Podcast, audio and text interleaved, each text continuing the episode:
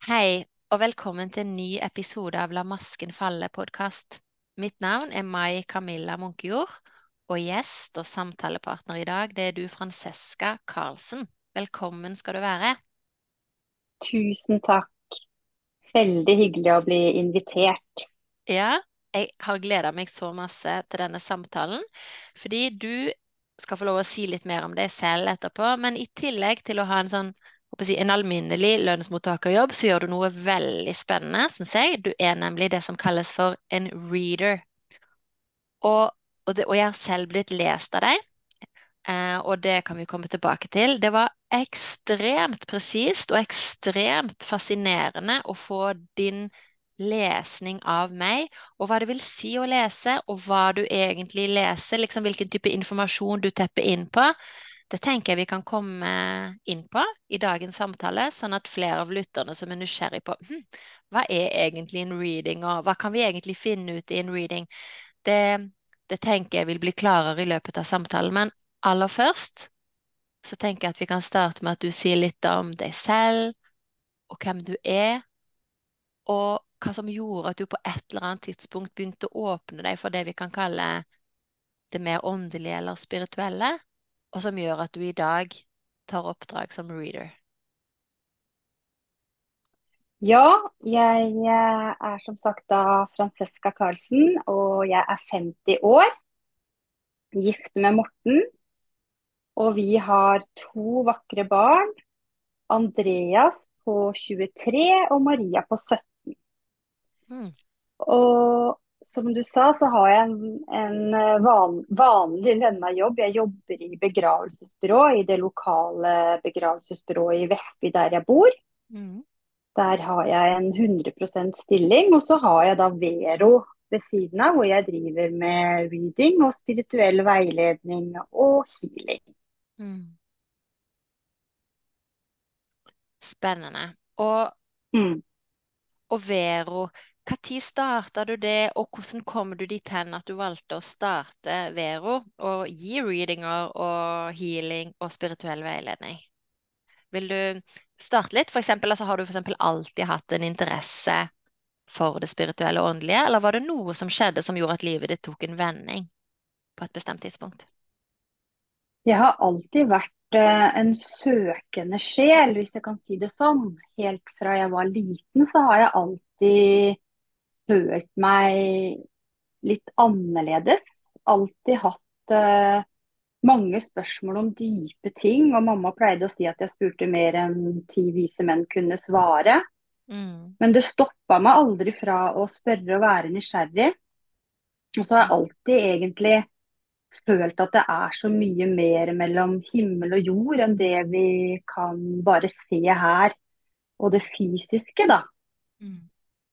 Så jeg har alltid vært søkende, men det som skjedde, hvis jeg kan ta den uh, historien så var det sånn at uh, jeg hadde da gifta meg og fått uh, to barn, og de begynte å bli Altså Maria begynte å bli rundt sånn ja, fem-seks, tror jeg. Hun begynte å bli såpass stor at jeg følte at det, det var litt mer rom for meg.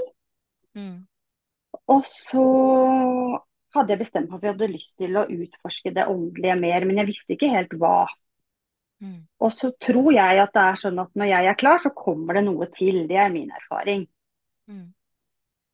Og så var det en nydelig dame som hadde flytta inn ved siden av oss. Og så sto vi og snakka litt sånn over gjerdet og spurte hva hun jobba med. Og så fortalte hun meg eh, at hun hadde også en vanlig jobb, men så drev hun også sånn litt ved siden av sånn som jeg gjør med reading.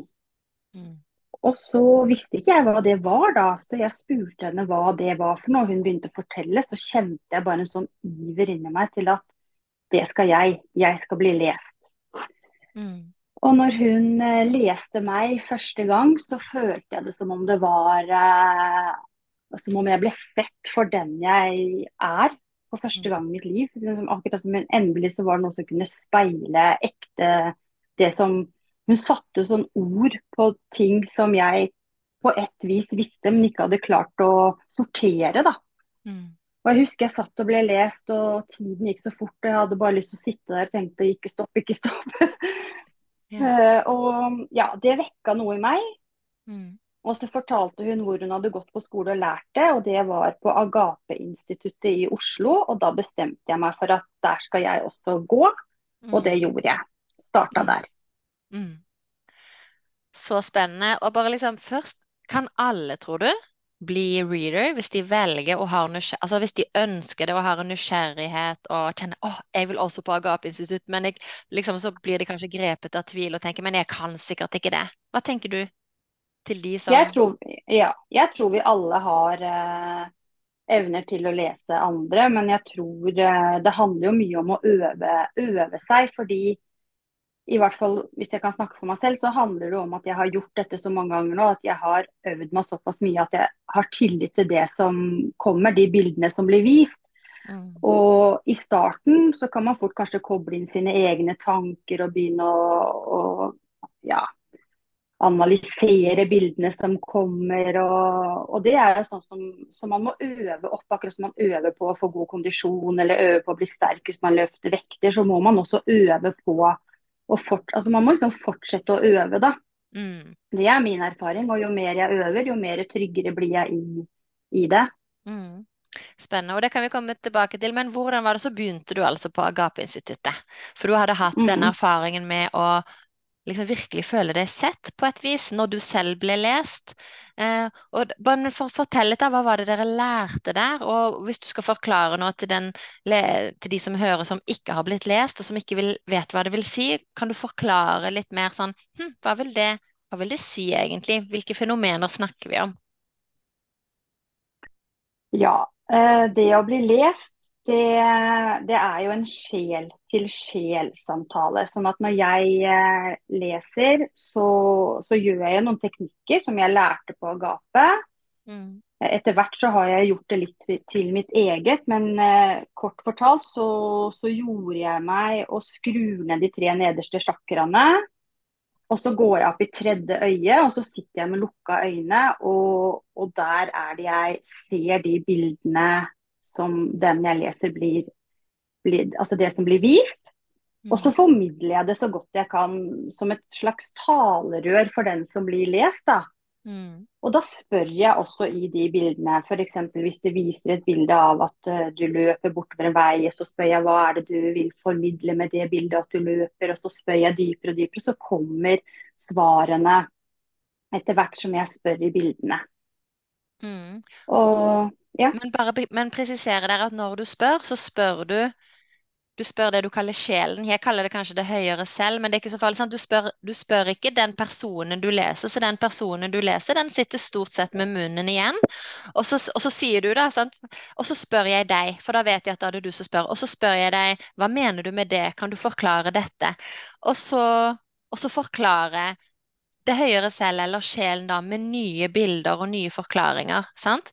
Er det, mm. ja, det er veldig spennende.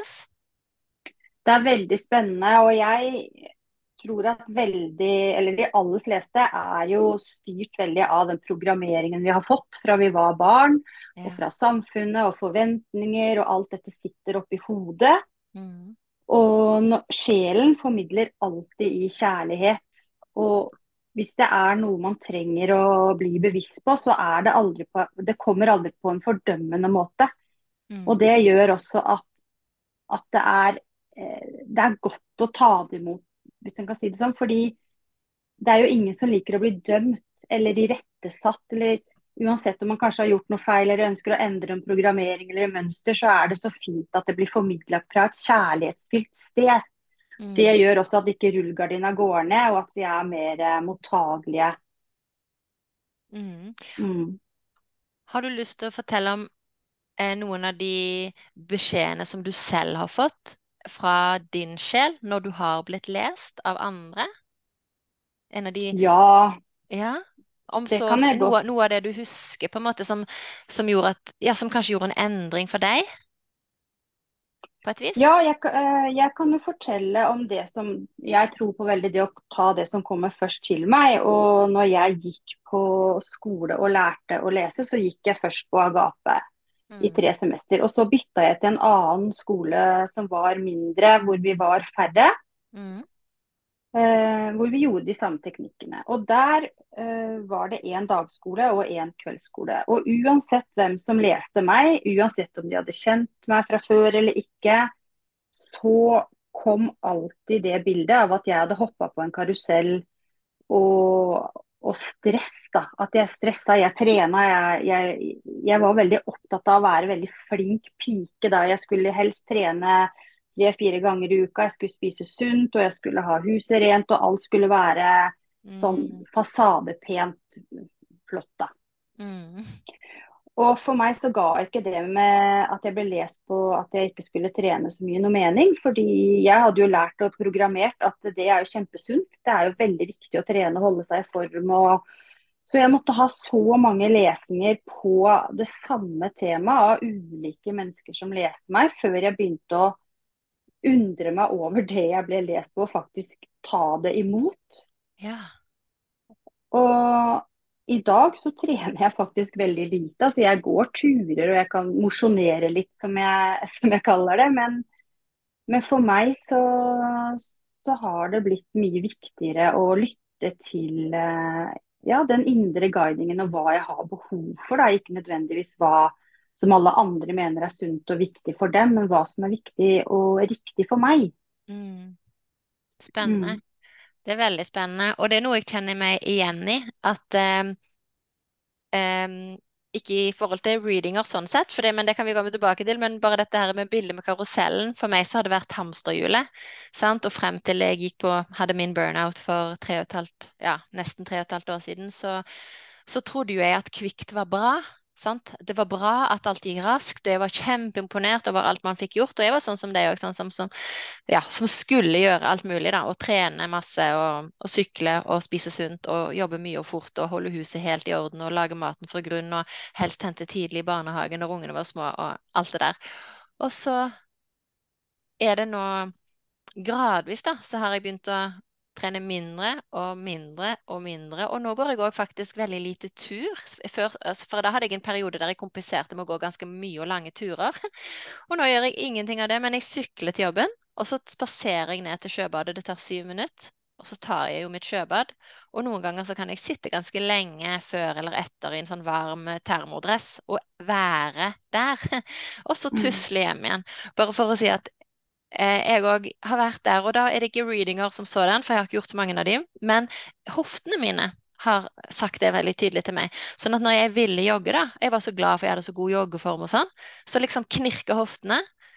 Og idet jeg slutter å jogge, så er hoftene fine igjen. Og en periode så var det sånn at bare jeg tenkte på å jogge nesten, så følte jeg liksom at det, mip, at jeg fikk en sånn rykk i hoften. Så liksom, akkurat som jeg, ja, men Michael Miller, du trenger ikke å løpe. Bare slutt å løpe føler jeg da, at kroppen sier. Mm. Har du jeg skal tilbake til det med readinger, men har du andre måter kroppen snakker til deg? For liksom kroppen og sjelen, altså liksom det underbevisste. Vi har jo ulike kanaler da, som prøver å fortelle oss ja, hva som er godt for oss, og hva vi trenger nå. Jeg bare fikk den assosiasjonen. Har du andre måter kroppen snakker til deg på enn gjennom readinger? Ja, jeg tror kroppen snakker til oss hele tiden, hvis vi bare er eh, villige til å lytte. Mm. Og jeg kan godt dele en annen eh, historie rundt det. Eh, når jeg hadde dette hektiske livet, da, som jeg fortalte om i stad, så Mm. hadde jeg veldig problemer med halssjakra mitt. Jeg visste ikke den gangen at det het halssjakra, men jeg hadde en fornemmelse av en sånn klump i halsen som, som, som liksom Det var vondt å svelge, og den, den Det var akkurat som Det hadde en svær klump i halsen, rett og slett. Mm. Og jeg var jo sikker på at det var eh, noe galt i halsen min, at jeg hadde fått kreft, eller jeg var sikker på at det satt en stor klump der. Mm. Så jeg bestilte jo sånn gastroskopi og fikk sjekka, og der var det altså ingenting. Mm. Og det jeg har skjønt i ettertid, etter hvert som jeg har begynt å lytte mer inn og blitt lest og har lest meg selv, så, hva, så er det en måte kroppen sier ifra på da den lager fysiske vondter, sånn at vi skal altså, ta det på alvor. Mm. Og jeg kan også dele at den første readingen som jeg hadde med hun som jeg fortalte om i stad, hun som leste meg første gang, hun, da viste jeg et bilde at det satt fast en sånn spade i halsen min, sånn fra lekekassa. Sånn liten sånn at, og at jeg hadde masse usagte ord. Ja. Og etter at jeg har begynt å ikke trykke ting ned, men rett og slett si ting høyt. Trenger ikke alltid å si det til den det gjelder, eller de som har såra, men sette ord på det, eller om jeg skriver det, eller at jeg i hvert fall får det ut av mitt eget system, da, ut av kroppen, forløser det, Mm. så er den klumpen nå så å si borte. Mm. Men når jeg blir veldig stressa, hvis jeg har f.eks. på jobb Jeg har rydda bort mye stress i livet mitt fordi jeg takler det dårlig. Kroppen vil ikke ha det. Mm. Men noen ganger så er det ikke alltid man kan styre hva som skjer. Og da, hvis jeg blir satt i, i situasjoner hvor jeg kjenner at jeg blir stressa, så kan den følelsen og fornemmelsen av den klumpen faktisk komme og hilse litt på. Men ikke så sterkt som før, men da er det en indikasjon til meg til at skal, nå skal du stoppe opp, nå skal du kjenne etter. Nå trenger du å lytte, nå trenger du å gjøre noen grep. For Mm. kroppen snakker til oss hele tiden, men Mm. vi er bare ikke opplært de aller fleste til å lytte. Vi bare kjører på fra programmeringen og er, er oppi hodet. Mm. Men eh, jeg syns det er kjempespennende og jeg har, mye, jeg har mye oftere dialog med min egen kropp nå. Mm. Og det der med å ha dialog med sin egen kropp, det syns jeg er så spennende. Em, takker du da f.eks. kroppen din for at den bærer deg gjennom dagen, og for all den gode innsatsen som kroppen faktisk gjør for oss da, hver eneste dag med å ta oss med hit og dit og hjelpe oss å være til stede? Og liksom, det er jo jeg har forstått det sånn da, at kroppen, altså at vi har på en måte en del forskning tilsier at vi har det som vi kaller consciousness, altså bevissthet, på cellenivå, ned på hver, i hver eneste celle. Sånn at liksom Ja, og at hele kroppen vår som cellesystem og som bevissthet tar til seg alle tanker og alt vi sier, sånn at eh, jo, så jo mer positivt vi snakker til oss selv, jo bedre er det. Og mange kritiserer jo sin egen kropp og, og snakker ned sin egen kropp og fordømmer sin egen kropp. Og, og det får kanskje noen konsekvenser. Ja, det tror jeg. Jeg tror jo at eh, hjernen vår og systemet vårt, som du sier, cellene våre, det tror jo på det det blir fortalt, uavhengig av hvem som sier det. Om det er jeg som sier det til deg, eller om det er jeg som sier det til meg selv. Så til spørsmålet ditt om jeg takker ofte, det gjør jeg. Hver kveld så takker jeg alltid for noe, i hvert fall tre ting som jeg takker for, sånn at jeg tar med meg det inn i natta. Mm. Og jeg har jo blitt 50 år, og det er klart kroppen forandrer seg jo. Og, Mm. og jeg er veldig bevisst på at jeg skal si pene ting til, til meg selv i speilet og til kroppen min, og takke kroppen min for alt det den gjør for meg hver eneste dag. Mm. For at hjertet mitt slår bare for meg, for nyrene, for leveren, for alt som fungerer og gjør at jeg kan ha god helse. Mm. Så ja, det å takke og være takknemlig, det tror jeg er veldig viktig for å skape bra ting i livet sitt. Takknemlighet er en veldig sånn sterk skaperkraft. Mm. Mm. Ja, spennende. Og ja, jeg tror at det er veldig viktig at vi tillater oss det å være, vise oss selv takknemlighet. Ja, være takknemlig for, eh, for vår egen kropp, ja, og for, eh, og for alt det som, som vi gjør for oss selv, ja. Og jeg sier det litt til meg selv også, fordi at eh, jeg på mange måter så er jeg jo kjempeglad i og fornøyd med kroppen min, men samtidig så er det for meg en del eh, vanskeligheter som sitter fast i kroppen enda, som er veldig, veldig sånne gamle sår fra tidlige overgrep og sånn, som, som, som fremdeles sitter i systemet litt, selv om jeg har jobba med de mange, mange runder, da. Så liksom det er også en påminnelse til meg selv at disse takknemlighetsøvelsene er nok viktig for liksom at det siste, eller siste, eller i hvert fall neste lag av rusk, da, skal slippe taket. Mm. Men tilbake til dette med reader. fordi at da tar du altså en ganske lang utdanning, og du blir lest av andre, og du øver deg på å lese. Men du fortsetter å jobbe. sant? Du begynner ikke å jobbe Altså du fortsetter å ha lønnsarbeid i tillegg til Vero. Vil du si noe om hvorfor? Handler det om eh, liksom at du var litt usikker på kundegrunnlaget for liksom tjenestene som Vero tilbyr, eller at du syntes det var godt å ha to føtter, én i på en måte såkalt ordinært arbeidsliv og én i, i Vero, som blir på en måte nesten sånn babyen din, og der du virkelig kan utfolde deg, eller hvor, hvorfor det? Hvor, hvorfor ble det som det ble, og hvordan tenker du fremover? Um, jeg er eh, Jeg har veldig tiltro til at det, det er som det skal, det blir som det skal, og at jeg går veien i mitt tempo. Og jeg har jobba i begravelsesbyrå i ti år, og før det så jobba jeg med regnskap. Mm. Og når jeg begynte i begravelsesbyrået for ti år, så, ti år, siden, så var det Det er så meningsfylt, og det gir meg så mye tilbake. Mm. Og så starta jeg da Vero ca. for fem år siden, tror jeg det blir. Mm. Eh, og de to syns jeg passer så godt sammen, egentlig. Fordi det, det er jo på ulikt vis at jeg kommer i kontakt med det åndelige. Altså jeg føler at det er veldig veldig om, altså det er, Jeg er med, i kontakt med det åndelige i begge de jobbene, men på ulike måter. da. Mm. Og jeg har ikke tenkt at jeg noen gang skulle slutte i den jobben og så bare drive med, med det jeg gjør på Vero. Det har ikke vært en tanke, men hvis, hvis det er det jeg skal en gang, så, så står jeg jo, altså stiller jeg meg jo åpen for det. Men jeg, jeg driver ikke og har så mange sånne strategier og planer og sånn. Jeg, mm. jeg, jeg, jeg, tenker mer at det kommer til det som skal, og så, og så stiller jeg meg åpen for det som er meningen for meg. Da. Og foreløpig så syns jeg det fungerer kjempefint å ha begge deler. Mm.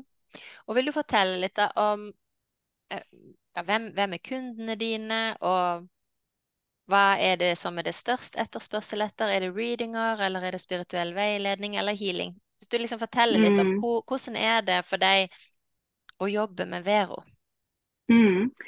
Eh, det går litt sånn i rykk og napp, men nå det siste så har det vært veldig mye readinger. Og veldig mange av dem har vært digitalt. Og det, det tok litt tid før det ble sånn. Mm. Men eh, det handler kanskje om at jeg har blitt litt mer kjent for flere etter hvert. Og mange bor langt unna og har lyst på en reading og syns ikke det er så lett å komme til Vestby. Mm. Eh, og de som kommer til meg, de vil gjerne ha litt av begge deler. Kanskje starter vi med en reading, og så er det veldig fint å ha en kombinasjonstime også, med først en reading og så en healing på kanskje det som har kommet eh, til de bildene og det som da er i auraen, og det å rense sjakraene og, og, gi slipp og ja, rense ut, rett og slett. Mm. Og spirituell veiledning, det, det, kom egentlig litt til fordi at det, det, var så mange som hadde lyst til å prate etter readingen. Mm. Og, og da kjente jeg at da må jeg sette opp en slags time eller en Kalle det noe, fordi at eh, Ja, det blir jo noe annet enn å bli lest. Så mm. ja, så da Da er det egentlig de tre går sånn hånd i hånd og mm. ja. Kjempespennende. For de, leser, eh, for de lytterne som ikke kjenner til chakrasystem og ikke til auraene, kan du, og liksom kanskje heller ikke som kjenner helt til ditt menneskesyn, eller hvordan du tenker at menneske, kropp, sin sjel er satt sammen. Kan du bare liksom beskrive litt hva er et menneske på liksom med litt enkle ord, da, sånn som du ser det, i forhold til kropp, sin sjel, aura og chakra, i hvert fall da, de dimensjonene der? Mm. Ja, eh, jeg tror jo at vi først og fremst er sjel mm. som velger da å inkarnere i en kropp for å gjøre de erfaringene som vi på sjeleplan har avtalt før vi inkarnerer. Mm. Eh, og chakraene, det er jo energihjul. Og det, vi har mange sjakraer, men eh, det er jo de syv vanligste sjakraene som er kjent. Det er rot, mage, solar plexus, hjerte hjerte, hals, tredje øye og krone. Og det er de jeg stort sett jobber med. Mm. Og hvis det er blokkeringer da, i chakraene, så spinner ikke de de energihjulene rent eller sånn som de skal. og Da kan det skape ubalanse i kroppen og blokkeringer som gjør igjen at vi kan bli syke. Vi kan bli fysisk syke, men vi kan også bli psykisk syke. Slitne, har lite energi. Mm. Ja. Um, så det å f.eks. få en chakrarems, det, gjør- det gjør jeg ofte når jeg har healing. For når, når, når noen kommer til meg og ønsker å ha healing, så setter jeg, setter jeg alltid, eller har jeg alltid en liten lesing først på hva de ønsker. Og da, da jeg tror det er hver gang ja, at de ønsker en chakrarens. Mm. I tillegg til kanskje andre healingformer de ønsker seg, da. Mm. Og da bruker jeg en pendel, og så renser jeg alle chakraene. Mm. Så har jeg alltid en jordingskanal i rommet, som jeg da kan kaste det som For det er mange som gir healing som blir syke, fordi de tar det inn i sitt eget felt.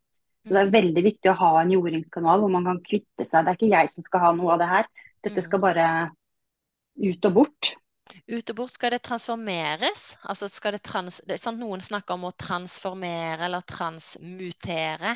Sant? At det liksom At det blir noe annet som kanskje kan komme noen til nytte, eller har du noen sånne tanker? Eller er det mer Eh, For meg så er det sånn at jeg visualiserer at det er en jordingskanal helt ned til jordas eh, indre, hvor det, er, hvor det bare forsvinner og brenner opp.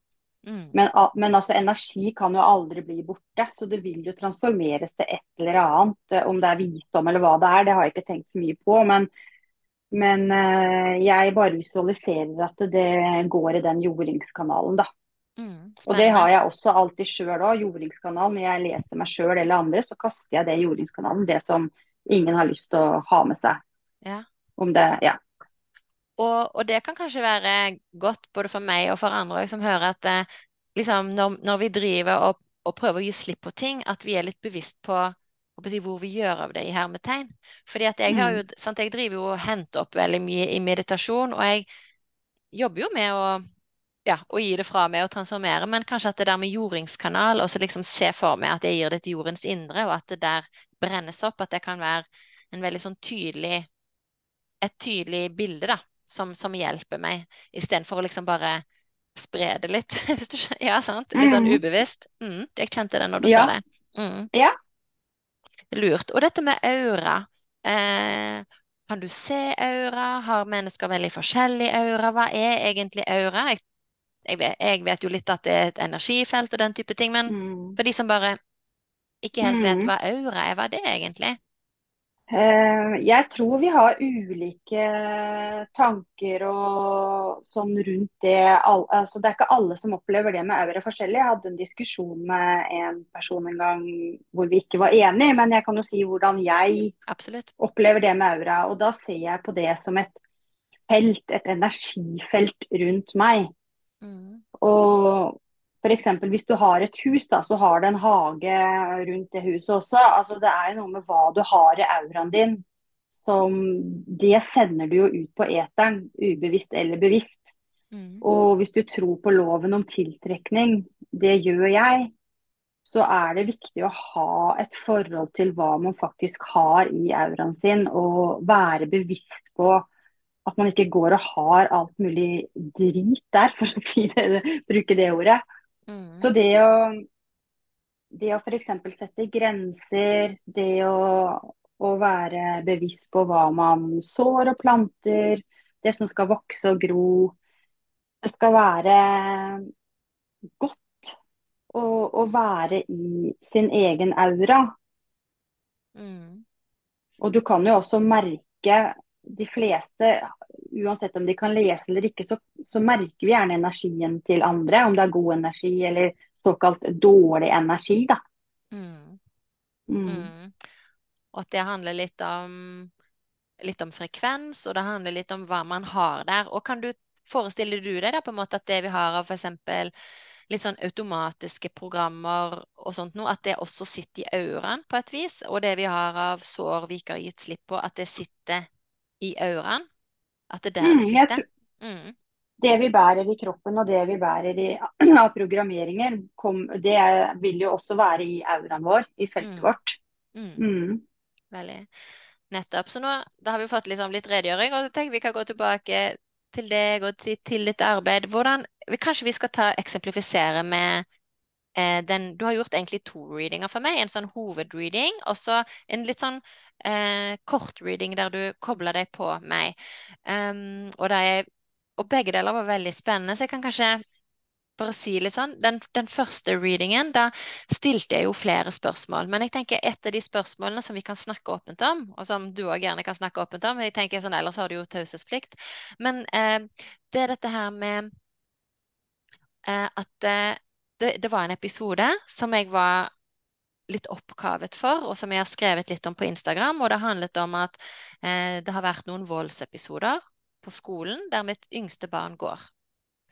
Og så eh, var jeg da litt usikker på Et av de spørsmålene som jeg trengte å spørre min sjel om, mitt høyere selv om, det var nå når situasjonen er som den er, er det riktig at vi begynner å se på muligheten for å bytte skole for min datter? Sant? Skal jeg bytte skole?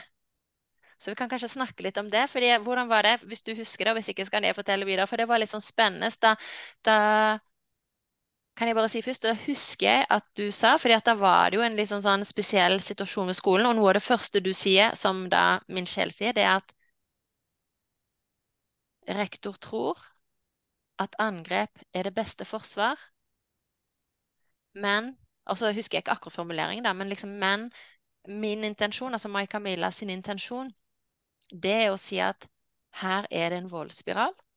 Og denne voldsspiralen, da er det faktisk noen barn som utøver vold fordi de har det ikke bra. De er ikke godt ivaretatt. Hadde de vært godt ivaretatt, så hadde ikke de utøvd vold mot andre barn. Så du har på en måte både barna som utøver vold, som vi trenger å møte på en ny måte. Klarer vi å tilby de det de barna trenger?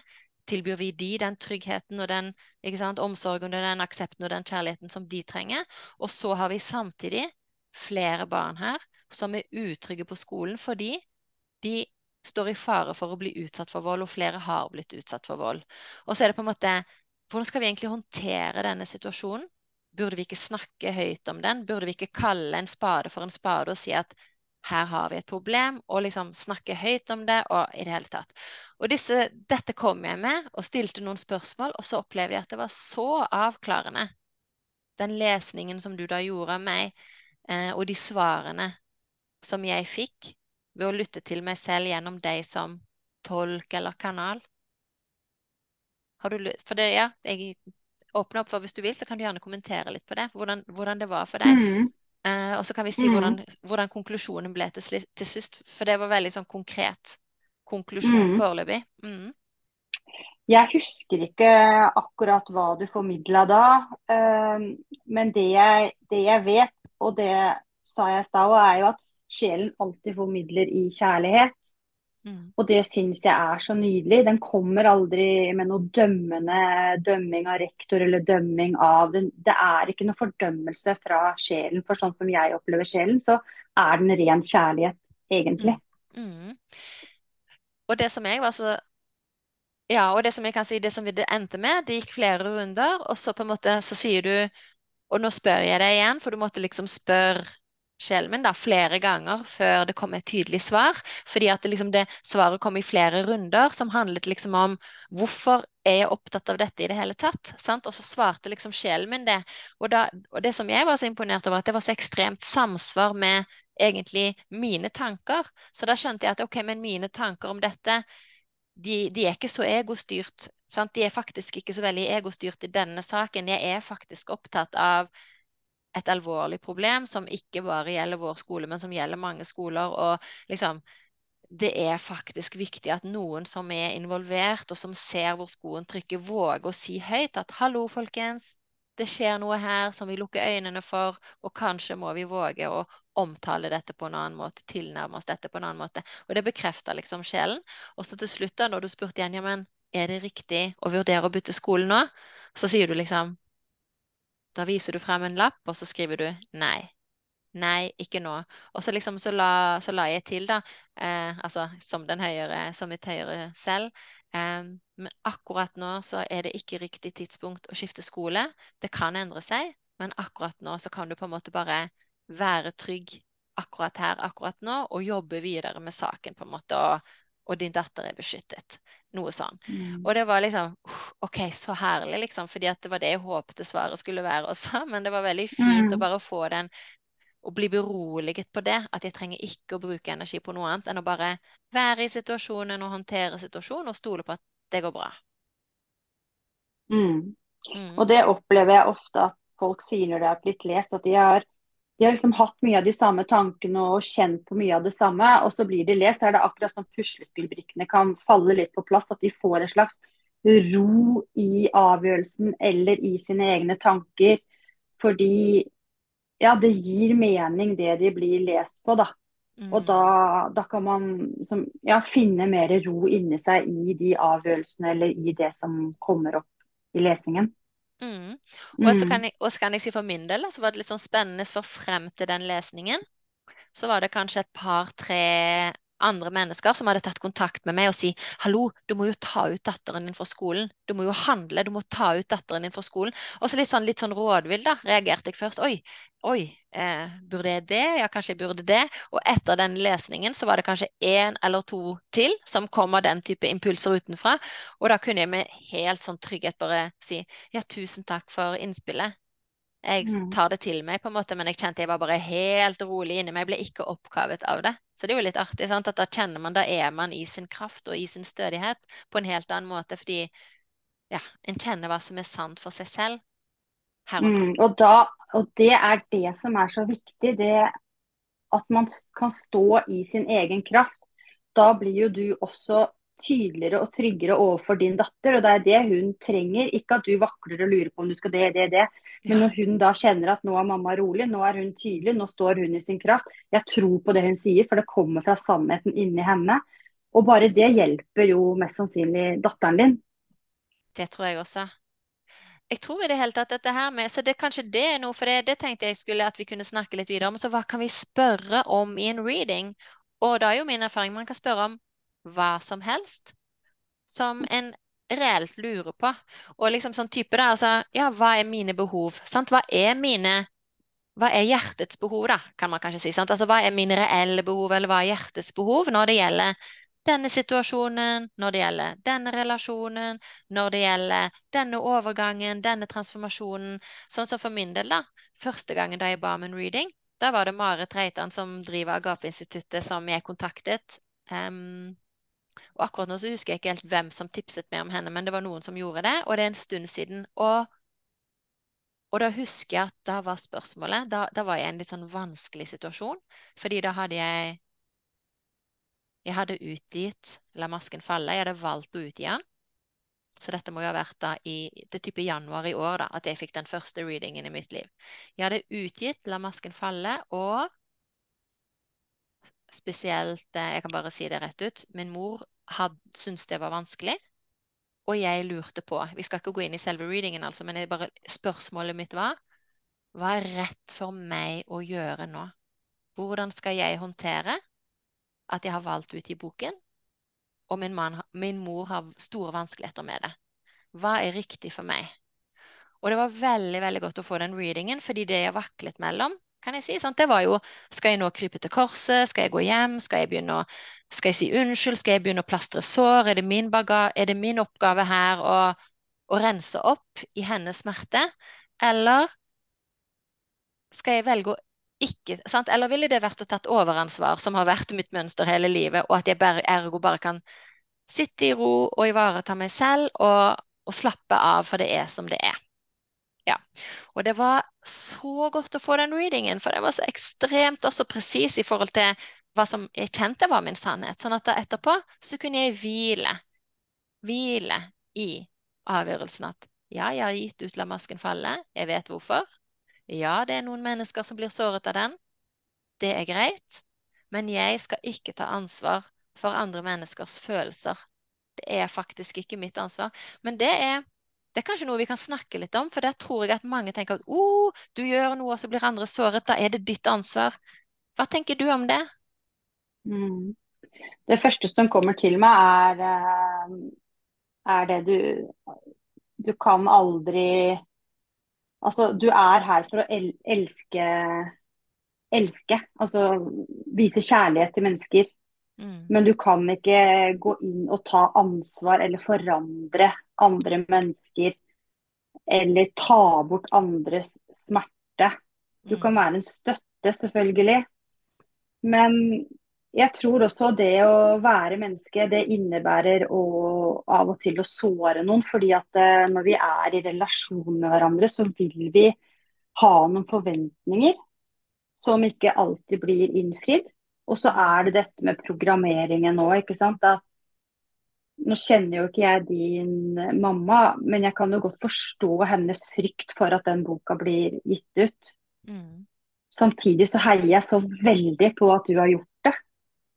Fordi jeg tror det er så viktig at vi våger å også være åpne for at vi av og til sårer hverandre, men det må noen ganger til for at ting skal komme til overflaten, for at vi skal få større innsikt, for at vi Mm. skal få dypere forståelse.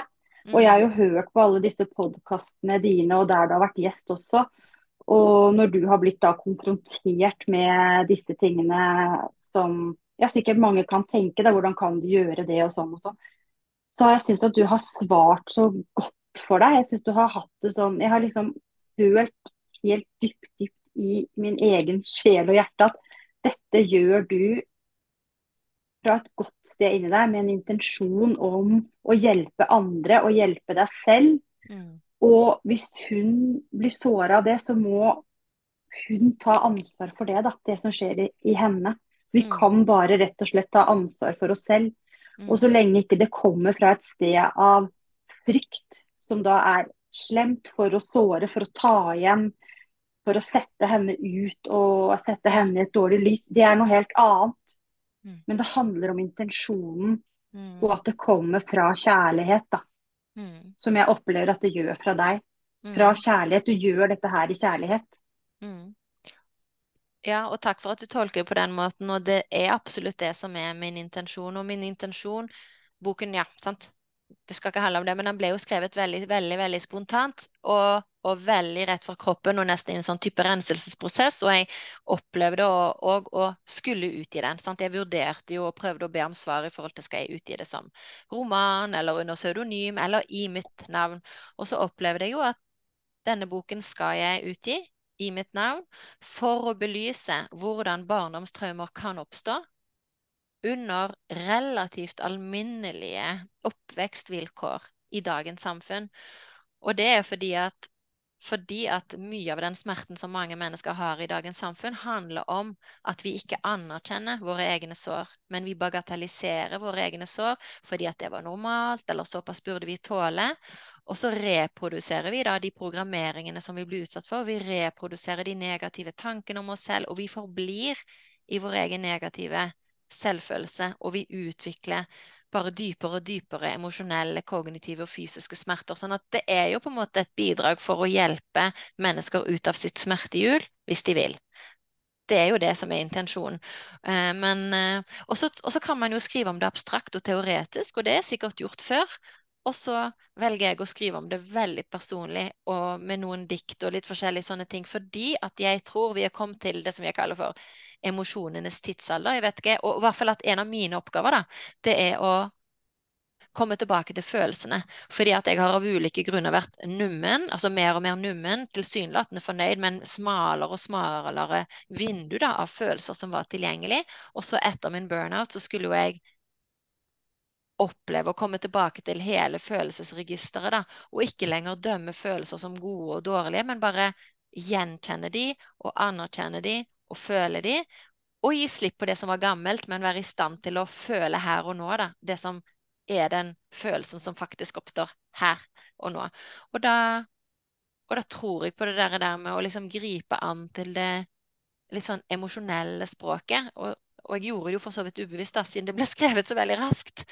Men, men, eh, men jeg kjente etterpå, når jeg har lest det selv også sant? Jeg leser jo av og til passasjer i boken her og der, og på et bokbad og sånn, så kjenner jeg jo at det er en driv der, og det er noen følelser der som går i resonanse med noen mennesker som trenger å lese det. Og det er jo min intensjon. Så sånn sett så, så tror jeg vi har litt samme intensjon med vårt arbeid. Det tror jeg òg. Ja, og jeg tror at når du kjenner det så sterkt, og du klarte ikke å stoppe å skrive, du bare skrev, det er, det er nesten Om så du hadde villet, så hadde du nesten ikke klart å holde deg selv tilbake. Da er det meningen. Det tror jeg. Du blir pusha til det. Og jeg kjenner igjen i det samme med Vero. Jeg hadde ikke noen intensjon om å dele. Jeg skriver veldig mye og deler. Og det hadde jeg ikke noen tanke om at jeg skulle gjøre, men det var akkurat så jeg også bare ble pusha til det. Og jeg husker noen ganger jeg hadde trykka på del på Facebook. Hjertet hoppa nesten ut av brystet. Jeg var så redd, og jeg hadde bare lyst til å slette det. Men Mm. allikevel så gjorde jeg det samme neste uke, for det var akkurat som jeg bare ble pusha til at dette skal du gjøre, Francesca. Du skal våge å ha et ansikt ut og dele. Du skal ikke la det styre av frykt. Du skal, selv om du er redd nå, så skal du gjøre det her. Mm. Fordi jeg også har, en, har gode intensjoner med det. Mm. Og jeg tror at det at vi våger å være litt personlige da, og ærlige og dele fra eget liv, det gjør at det treffer også dypere i en annen. Mm. Fordi jeg jobber som sagt i begravelsesbyrå også, og det er veldig sjelden at det er en familie hvor det ikke er noen ting som er vanskelig. Mm. Og, og hvorfor skal vi gå rundt og late som? I de aller fleste familier så er det vanskelige relasjoner. Og jeg tror at hvis vi begynner å snakke om det, så normaliserer vi det. Og når vi normaliserer ting, så blir ikke ting så skummelt og vanskelig, for det er normalt. Altså Mm. det er vanskelig å være i en relasjon med noen nært, fordi det vil trygge oss, det vil såre oss, det, det vil være skuffelser. Mm. Og hvis vi da lærer om, sånn som du nå formidler så nydelig, at vi må ta ansvar for vårt eget, Mm. så blir vi mer bevisste mennesker. Mm. Og når vi tar ansvar for vårt eget, så blir vi mer kraftfulle òg. Mm. Og det, det er i hvert fall min erfaring. Nå har vi litt ulik tilnærming til det, men det med reading, det jeg opplever, er at jeg har bare fått mer kjærlighet til meg selv, rett og slett. Mm. Fordi jeg har rydda unna så mye skam og vondt og ikke blitt møtt. Og jeg har rydda unna så mye av det, den gamle programmeringen. da, Og funnet, ut til mer, funnet fram til mer og mer kjærlighet inni meg. Mm. Og da, da Ja. Fortell gjerne litt mer om det, med denne renselsesprosessen, og hvordan du sjøl har gjort readinger på deg selv og renselser, og på en måte kommet mer og mer tilbake til kjærligheten inni deg. For det tror jeg vil være inspirerende både for meg og andre. Ja. I tillegg til å bruke teknikkene som jeg har lært og lese meg, så har jeg også hørt på veldig mye podkaster og foredrag eh, på YouTube. Og jeg i, i en periode så hørte jeg veldig mye på Wayne Dyer. Jeg veit ikke om du kjenner til han, men han var jo en kjent spirituell veileder. Han eh, er død nå, da. Mm. Eh, og han sa bl.a. at hvis du skviser en appelsin, hva kommer ut da? Appelsinsaft. Og så lo alle i salen. Så sier han hvorfor ler dere? Det er jo sånn med oss mennesker òg at når vi blir skvisa, da, når vi er i en pressa situasjon, og vi ikke klarer kanskje helt å ta oss sammen, så kommer jo til overflaten det som vi, skvi, det som vi har inni oss, da. Ja. Og jeg har blitt veldig inspirert av Wayne Dyer i forhold til det å, å være kjærlighetsstyrt. Og, og jeg ønsker å ha kjær, altså egenkjærlighet, sånn at når jeg blir skvisa, så klarer jeg å komme fra et kjærlighetsfylt sted i meg, og ikke fra et fryktstyrt sted. Mm. Og jeg sier ikke at jeg alltid klarer det, men jeg klarer i hvert fall å legge merke til noe. Nå blir jeg trigga, nå har jeg lyst til å kanskje være litt slem og stikke tilbake. Og så kan jeg snakke med mannen min om det og bare få det ut. Og vi kan liksom spille litt ball. Og så kan jeg liksom kjenne at bare det å lette på det trykket gjør at jeg ga slipp. Og så kan jeg meditere på det eller lese meg på det. Og så kan jeg få innsikter om hva er det som egentlig skjer i meg. Og så kan jeg slippe for å fylle på med mer kjærlighet. da. Og det handler om å forstå meg selv. Forstå hvorfor jeg blir trigga. Hva var det som gjorde så vondt? Er det noe gammelt tilbake som, er, som jeg opplevde lignende følelsesmessig, eller Mm. Og det er altså Det er min motivasjon, egentlig, he, hele veien, av å være kjærlighetsstyrt. Jeg ønsker å Jeg kaller det the path of love, å gå på the path of love. Mm. For uh, jeg, jeg har Når jeg liksom snur meg og ser tilbake på reisen jeg har hatt, hvordan jeg kunne reagere før, da, så Mm. kunne jeg skyte fra hofta når jeg ble trigga og kjefte og smelle og bli sint. Og det er ikke det at ikke man skal få lov å bli sint, for det er også en følelse. Men det Mm, er å ikke peke det sinnet ut på andre, men få sinnet ut. Men også registrer hva er det som skjer i meg. mm, For bak et sinne så er det sår, det er mm, triggere, det er skuffelser. Mm. Så ja, jeg vet ikke om jeg svarte på det du Jo, spurte om syns en det. Jo, du svarte veldig fint. Eh, at du på ulike måter har valgt å gå det du kaller for the path of love, kjærlighetens vei. Og det handler blant annet om altså bare for å gjenta for deg, ja, dette her med at du fortalte at du ønsker på en måte å fylle på med egenkjærlighet, sånn at når du blir skvisa, så er det på en måte Så kommer din reaksjon eh, i form av fra et kjærlig sted istedenfor et aktivert sted. Og og, og så at du på en måte, så sier du at du ikke alltid du klarer det, men du klarer i alle fall ofte da å registrere at oi, der ble jeg aktivert. Og kanskje du klarer, til og med å hente det inn før du på en måte skyter for hoften og reagerer med å si herregud, er du helt idiot, og Helledussen, han er jo korka og tuter her. Altså du har jo en del mennesker som går rundt og tror at de er omgitt av idioter, sant? Mm, Og så har du andre mm, mennesker som bare om, oppfatter at akkurat de samme menneskene de er jo helt herlige, nydelige naboer, og man, man blir smilt til overalt. Og, og, det, og det er et sånn enkelt triks da, som folk kan ha for å sjekke ut det. Det er jo på en måte hvis man går bevisst ut med kjærlighet, se hvor mange smil du får tilbake, liksom, hvis du går ut med et smil og med vennlighet. Um, ikke, ikke sant? Altså, det er kjempemange mennesker som speiler tilbake kjærlighet og vennlighet og, og liksom nesten åpner opp døren for deg. Ja. Det er veldig sånn spennende så at hvis du går ut med en tydelig, kjærlig, tilfreds mm, følelse, så får du det tilbake. Mens kanskje hvis man går, og det er helt i orden, da, men at man går på et helt annet og mørkt sted, så, så, så ser kanskje verden òg mye mer mørk ut, og, og du føler det plutselig da omgitt av av drittkjerringer og gubber og, og, og, i det hele tatt. ikke sant? Og så spørs det liksom hvor reelt er det? Og da er vi jo inne på sammenhengen mellom det som er inni oss, og det som er utenfor oss. Det, det som speiler tilbake. Og denne vekselvirkningen da, mellom det som er inni og utenpå. Det er jo ganske spennende også. mm. Og så er det veldig viktig at det er ekte.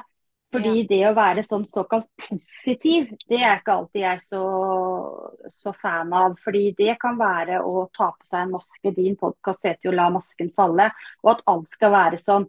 Men det å være optimistisk liker jeg bedre. Å liksom ha en, ja, en tro på at ting går bra, men at jeg må ta mine egne følelser på alvor, da.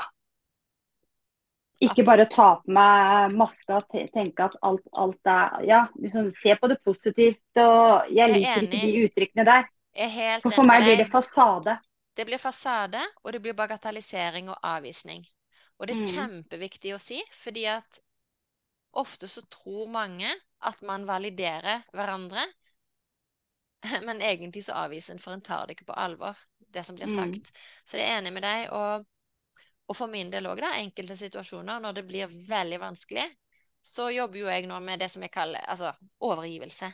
Der jeg bare prøver å gi slipp på at jeg skal styre og kontrollere og vite hvordan det går, og bare ha tillit til, litt sånn som du gjør med Vero, da, at du har tillit til at det blir som det skal, og du åpner det opp for å gå på den veien eller den veien. Og sånn har jeg det nå, for eksempel for å ta det minst betente, da, karrieren. Mm, Karrieren min videre nå, den er veldig åpen. Eh, muligens så er jeg snart ferdig i akademia, og det føles jo veldig rart. Jeg er jeg er jo 46 år og har vært i akademia i hele livet mitt. Sant? Jeg, jeg slutta jo som professor da jeg gikk på veggen, men jeg gikk over i en annen stilling i akademia som forsker. Så jeg har på en måte ikke gjort noe annet jeg, enn å være statsansatt med trygg og god inntekt i alle år. Og det nå at jeg snart muligens, det vil vise seg, sant, ikke er ansatt lenger i staten, men faktisk skal tjene penger på bøker og skrivekurs. Kanskje noen har lyst til å sponse podkast, who knows. Altså, skjønner, det føles litt sånn uh. Og så bare ha tillit til at det blir som det skal.